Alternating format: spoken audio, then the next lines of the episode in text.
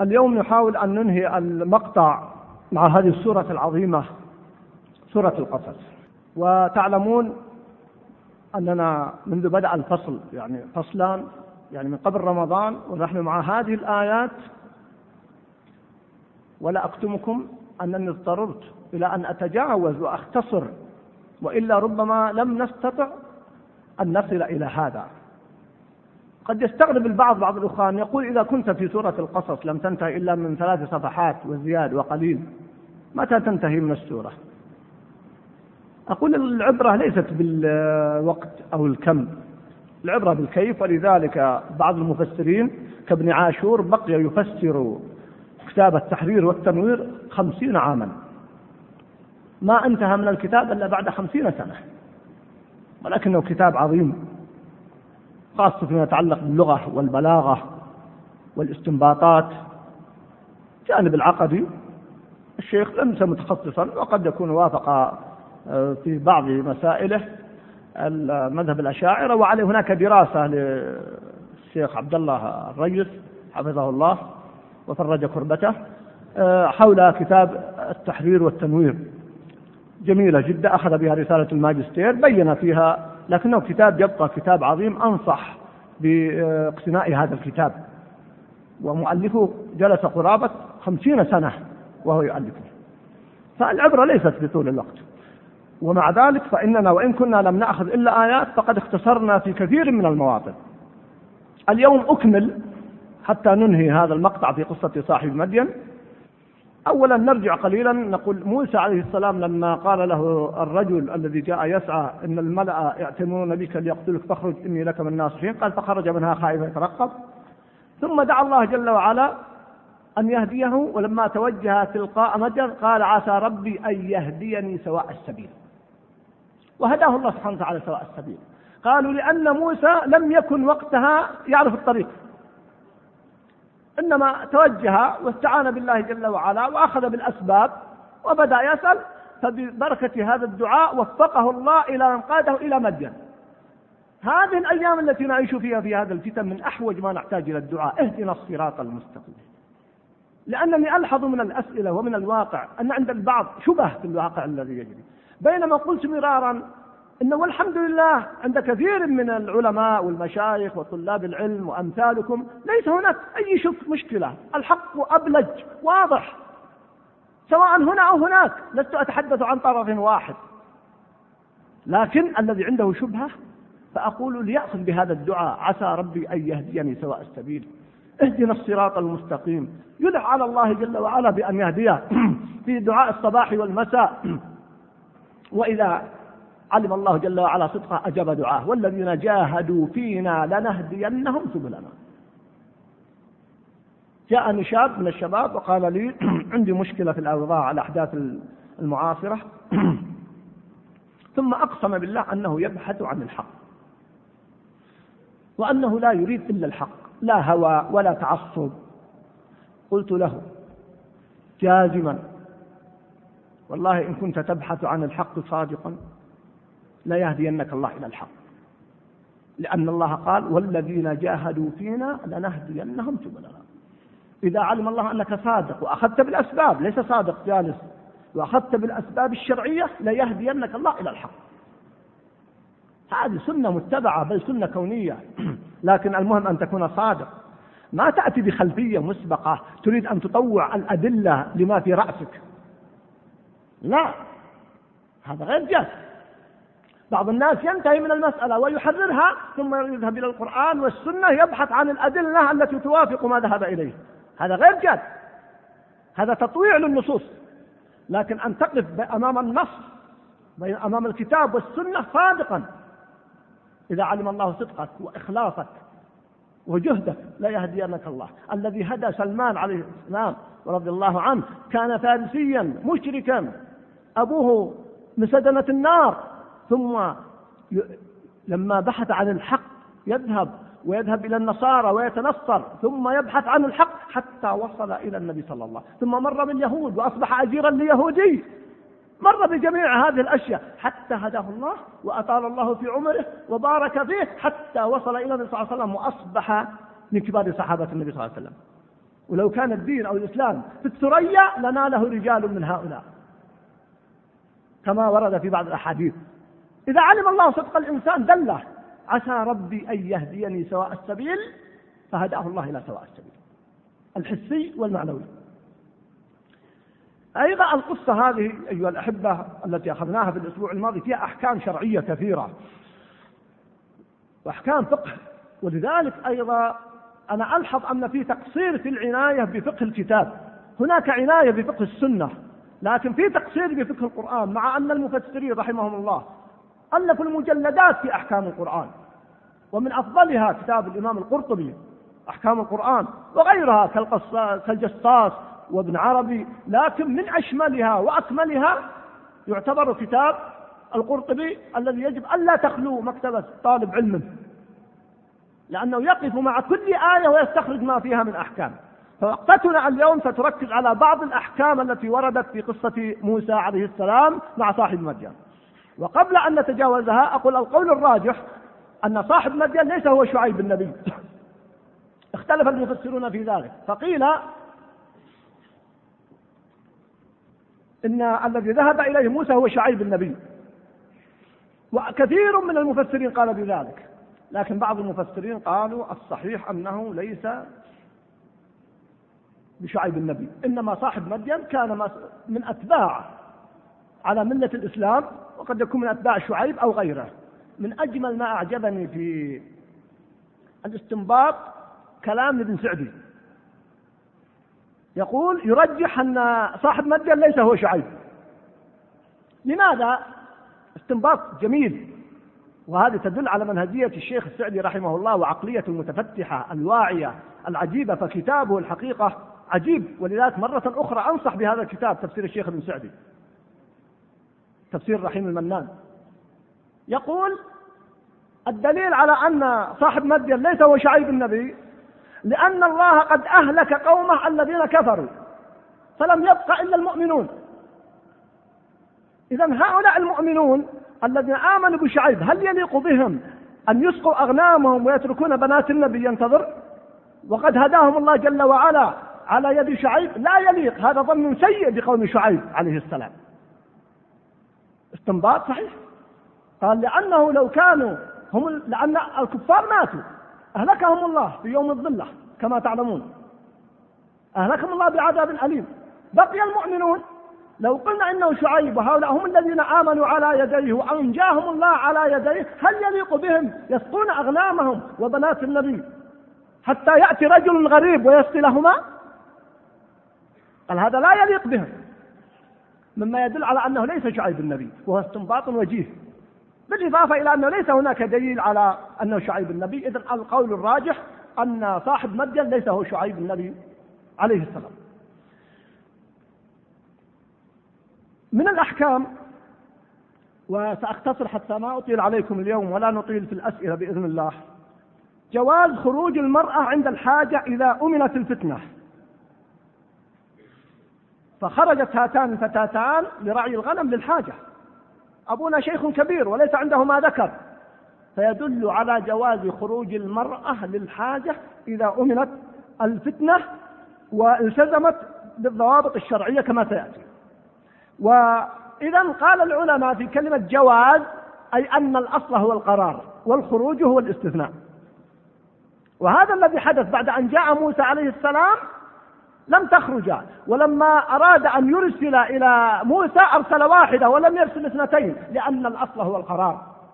الحكم الثاني جواز محادثة المرأة للرجل عند الحاجة إذا أمنت الفتنة مع الاختصار الشديد أي أن يكون الكلام عند الحاجة كما وضحت وبينت في الأسبوع الماضي. لأن الله جل وعلا يقول آه ولا تبرجنا تبرج الجاهلية الأولى. لما ذكر الله جل وعلا فيطمع الذي في قلبه مرض.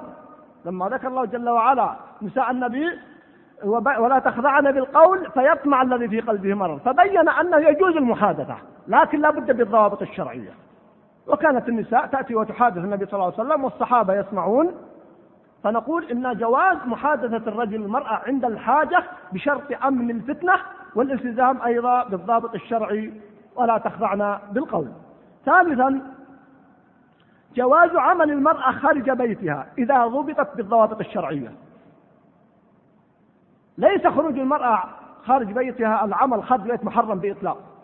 المحرم إذا كان يصاحبه أمر محرم كالاختلاط أو في غير مجالها أو غير ذلك. أما إذا ضبط بالضوابط الشرعية وقامت الحاجة لذلك كتدريس النساء الآن في المدارس أو وجود طبيبة للنساء أو نحو ذلك من الأعمال التي تخص المرأة فلا حرج فيه.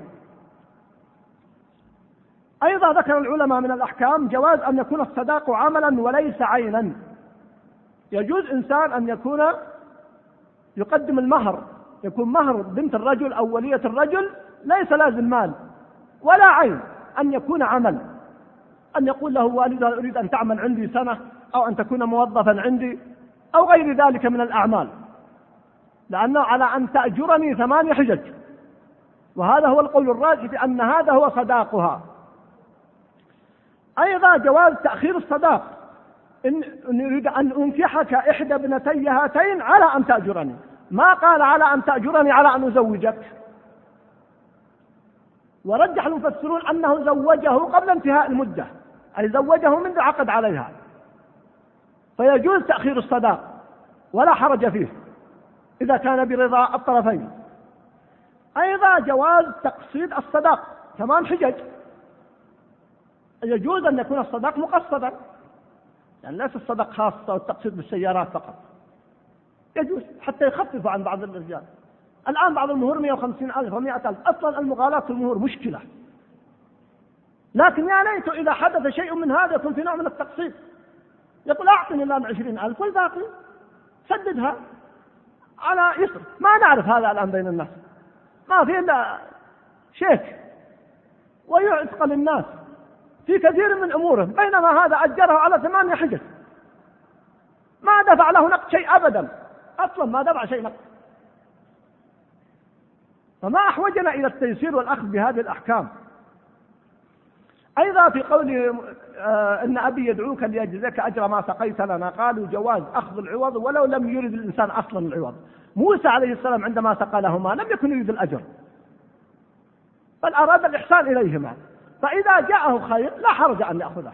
بعض الناس قد يجد في هذا غضاضة يقول كيف آخذ؟ وأنا لم أرد. لا حرج عليك. أنت عصبت في شيء وإن أخذت فلا حرج عليك. ولا يعتبر فيه غضاضة إن أبي يدعوك ليجزيك أجر ما سقيت لنا.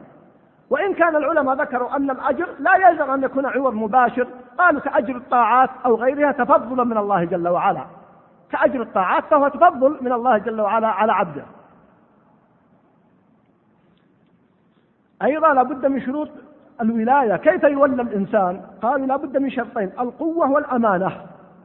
عند التولية في المهمات لا بد من شرطين القوة والأمانة. إن خير من استأجرت القوي الأمين. ولكنها تتفاضل على حسب الولايات. فبعض الولايات يرجح فيها القوي وبعض الولايات يرجح فيها الأمين. وإلا الأصل هو أن يوجد الشرطان القوة والأمانة. لكن أحيانا قد تجد إنسان قوي ولكن في ضعف أمانة. وإنسان فيه أمانة ولكن في ضعف في القوة. أيهما يقدم؟ ذكر شيخ الإسلام في كتاب السياسة الشرعية وبالمناسبة أنصح بقراءة هذا الكتاب وتكرار قراءته السياسة الشرعية لشيخ الإسلام ابن تيمية كتاب عظيم ونحتاج إليه خاصة في هذا الوقت. وبين متى تقدم يقدم شرط القوة ومتى يقدم شرط الأمانة. ومتى لا بد من استصحابهما جميعا والله أعلم. أيضا أمر النكاح للولي وليس للمرأة. إني أريد أن أنكحك. إحدى ابنتي هاتين. ما قال أرادت البنت أن تنكحك نفسها. فأمر الولاية وأمر النكاح للولي. ولذلك ورد حديث لا نكاح إلا بولي. وأي امرأة نكحت بلا ولي فنكاحها باطل. باطل باطل. أو كما قال صلى الله عليه وسلم. اجتماع إجارة ونكاح في عقد واحد. جائز اختلف العلماء في ذلك وهو جائز على الراجح لأنه قال أريد أن أنكحك على أن تأجرني. فهما عقدان في عقد واحد. والصحيح جواز بيع وشرط كما لو قلت الإنسان على خلاف العلماء الطويل في المسألة وليس هذا وقت التفصيل فيها وترجعون إليها في كتاب البيوع. لو قلت الإنسان أبيعك على هذا البيت على أن تأجرني سنة أو أبقى فيه سنة لا حرج في ذلك. كما اشترى النبي صلى الله عليه وسلم جمل جابر على أن يبقى اشترط حملانه إلى المدينة. اشترط جابر أن يبقى معه إلى المدينة فهو بيع وشر فلا حرج في ذلك. أيضا قال الجواز عقد الإجارة ولم يحدد العمل إذا حدد الوقت لأنه قال على أن تأجرني ثمانية حجج ولم يقل له أن ترعى الغنم ثمانية حجج. قالوا لا مانع أن يأتي إنسان بعامل ويقول أريد الاستئجار. قالوا إما للعمل أو للوقت. لا بد أن يحدد العمل أو يحدد الوقت. أما أن تقول له أنا أريدك عندي عدة سنوات أو في اليوم ثمان ساعات وأكلفك حسب العرف بما يطيق. أو أؤجرك أن تبني هذا الجدار أو أن تنقل هذا المتاع. فلا بد من تحديد إما العمل أو الوقت فإذا حدد أحدهما فلا حرج. لا يلزم أن يحدد جميعا. إذا حدد الوقت لو قلت لإنسان أنا أريدك يوميا تأتيني في المكتب تكون عند الحاجة. قد أرسلت في مشوار كذا أو في عمل كذا ثمان ساعات يوميا. أو تأتي بعامل وتقول تبقى عندي سنة. أو هكذا. المهم إما أن يحدد الوقت أو يحدد العمل. ويراعى في ذلك العرف حتى لا يحمله ما لا يطيق. فهو قد حدد له أن تأجرني ولم يحدد له ما هو العمل. بعض العلماء قال إنه معروف العمل بالعرف لأنه ليس عنده عمل إلا رعاية الغنم والله أعلم. أيضا هل يجوز النكاح بدون إشهاد؟ قال بعض العلماء ليس هناك شهود والصحيح أنه لا يجوز النكاح إلا بشاهدين هنا كل ما في الأمر أنه سكت عنه وليس فيه دليل نص أنه ليس هناك شهود. وقيل لا هذا شرع من قبلنا ونسخ بشرعنا. فإنه ورد وجوب إشهاد شاهدي عدل عند النكاح. فسواء قلنا هذا أو هذا سواء قلنا إنه لا دليل في الآية على عدم الإشهاد أو قلنا إنه شرع من قبلنا وبالنسبة لشرعنا فيجب الإشهاد والله أعلم. اكمال فإن أتممت عشرا فمن عندك. قالوا أتم موسى العقد وزيادة. وهكذا يجب أن يكون العامل وبالذات من الأخيار والصالحين. الآن في مشكلات في نقص العمل. وتزداد الأمر سوءا إذا كان المستأجر المؤجر أو المستأجر أو أحدهما من الأخيار ونقص في العمل موسى أتم السنتين فيجب على أهل الفضل أن يتموا العمل وزيادة فهذا هو الأليق بهم كما فعل موسى عليه السلام. في قوله تعالى إني لما أنزلت إلي من خير فقير. هذا دعاء عظيم. فيه عدة وقفات. هذه الآية فيها عدة وقفات. الوقفة الأولى قال العلماء إن أعظم الدعاء آه، دعاء العبادة أعظم من دعاء المسألة. الدعاء إما أن يكون دعاء عبادة أو دعاء مسألة. دعاء العبادة أن لا يكون الطلب مصرحا به. دعاء المسألة عندما تقول يا رب أريد كذا وكذا وتطلب كذا وكذا هذا دعاء المسألة. أيهما أفضل؟ قال العلماء إن دعاء العبادة أعظم من دعاء المسألة. ما الدليل على ذلك؟ في قول يونس عليه السلام لا إله إلا أنت سبحانك إني كنت من الظالمين. ما فيها دعاء مسألة. وذنوني ذهب مغاضبا فظن أن لم نقدر عليه فنادى في الظلمات أن لا إله إلا أنت سبحانك إني كنت من الظالمين. هذا دعاء دعاء عبادة. ليس فيه نص. قال الله جل وعلا بعدها مباشرة فاستجبنا له ونجيناه من الغم. قالوا لأن دعاء العبادة يتضمن العبادة ومسألة. ولله المثل الأعلى قالوا لو جاء رجل ودخل على ثري من الأثرياء ولله المثل على وقال أنت رجل كريم أنت تفك تساعد المعسر وأنت وأنت ثم جلس. ماذا نفهم من هذا الكلام؟ يقول أعطني.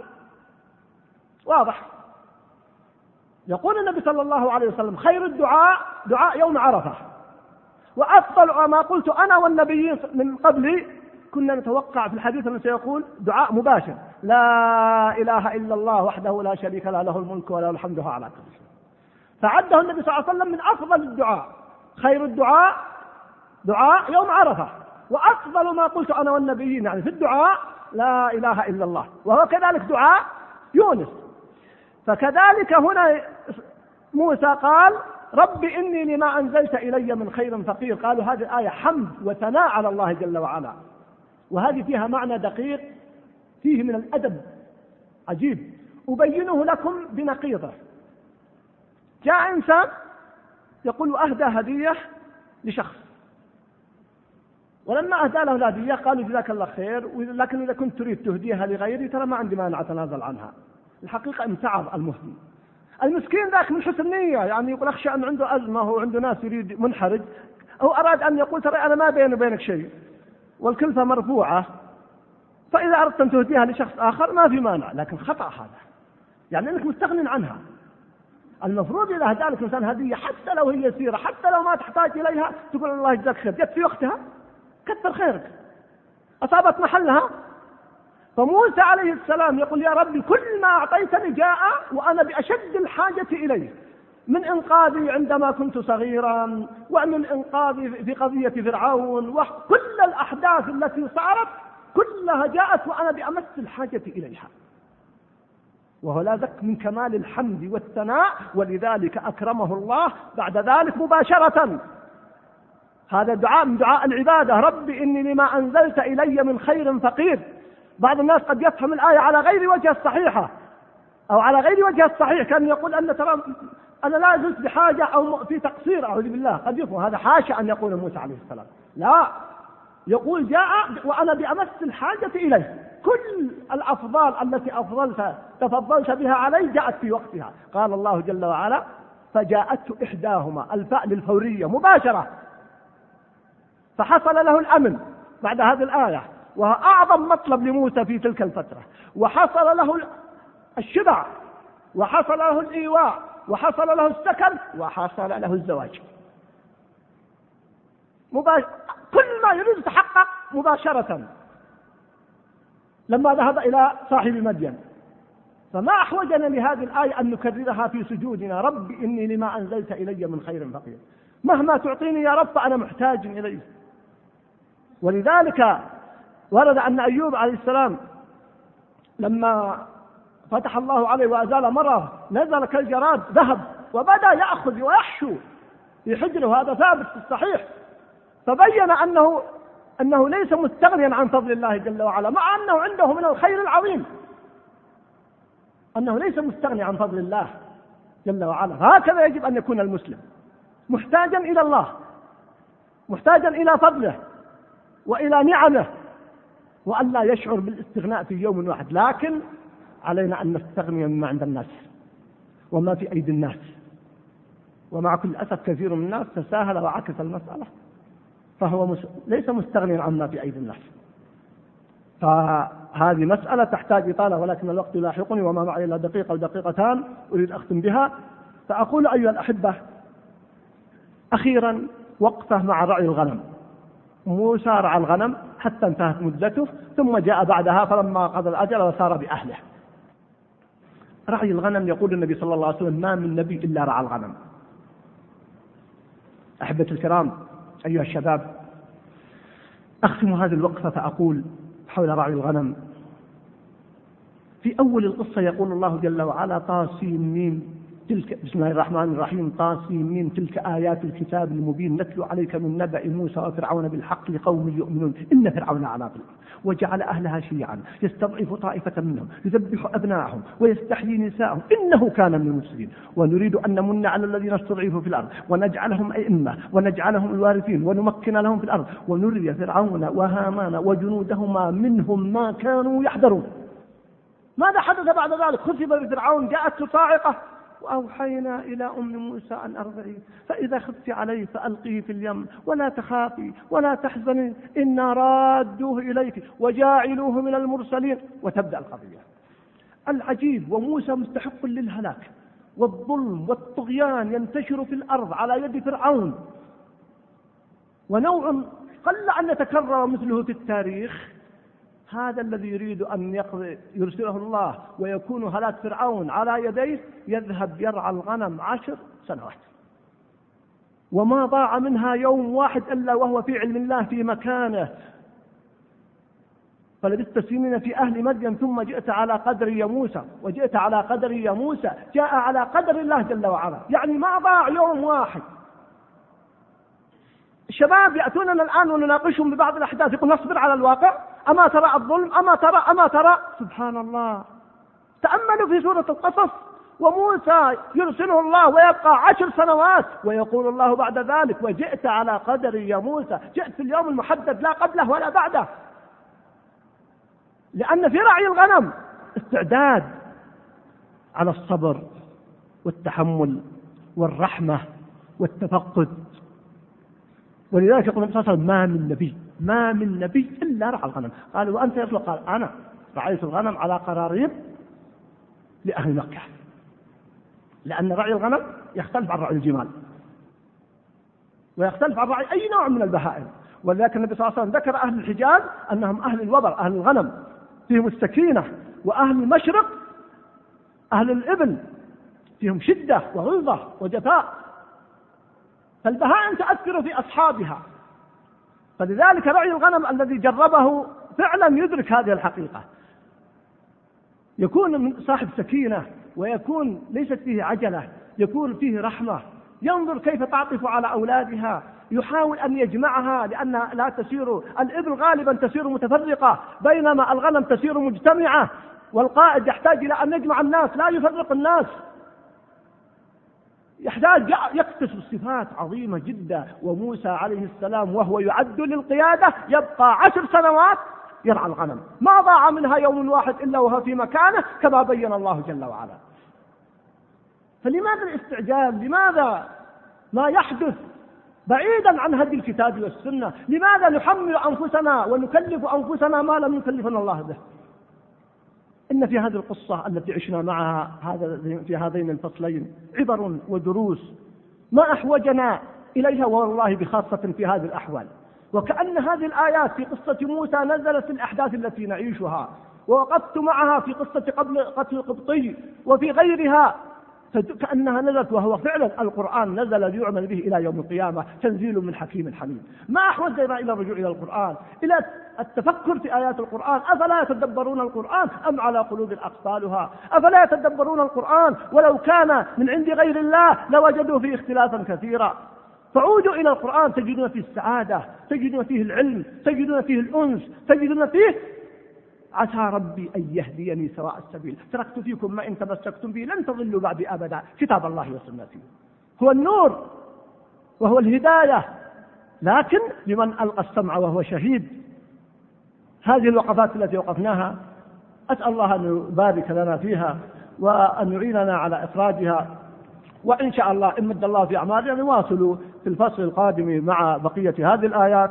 و بعد الصلاة إن شاء الله من تتيسر له ظروف ونبقى مع بعض الأسئلة التي من أسئلتكم هذا صاحب سيارة 993 عين قافها كامري يقول أحد الإخوان قد أغلق علي سيارته وأنا عندي موعد. نقل من صاحب السيارة 993 عين قافها أن يخرج سيارة كامري حتى لا يسد على أخوانه وصلى الله وسلم على نبينا محمد. السلام عليكم ورحمة الله وبركاته.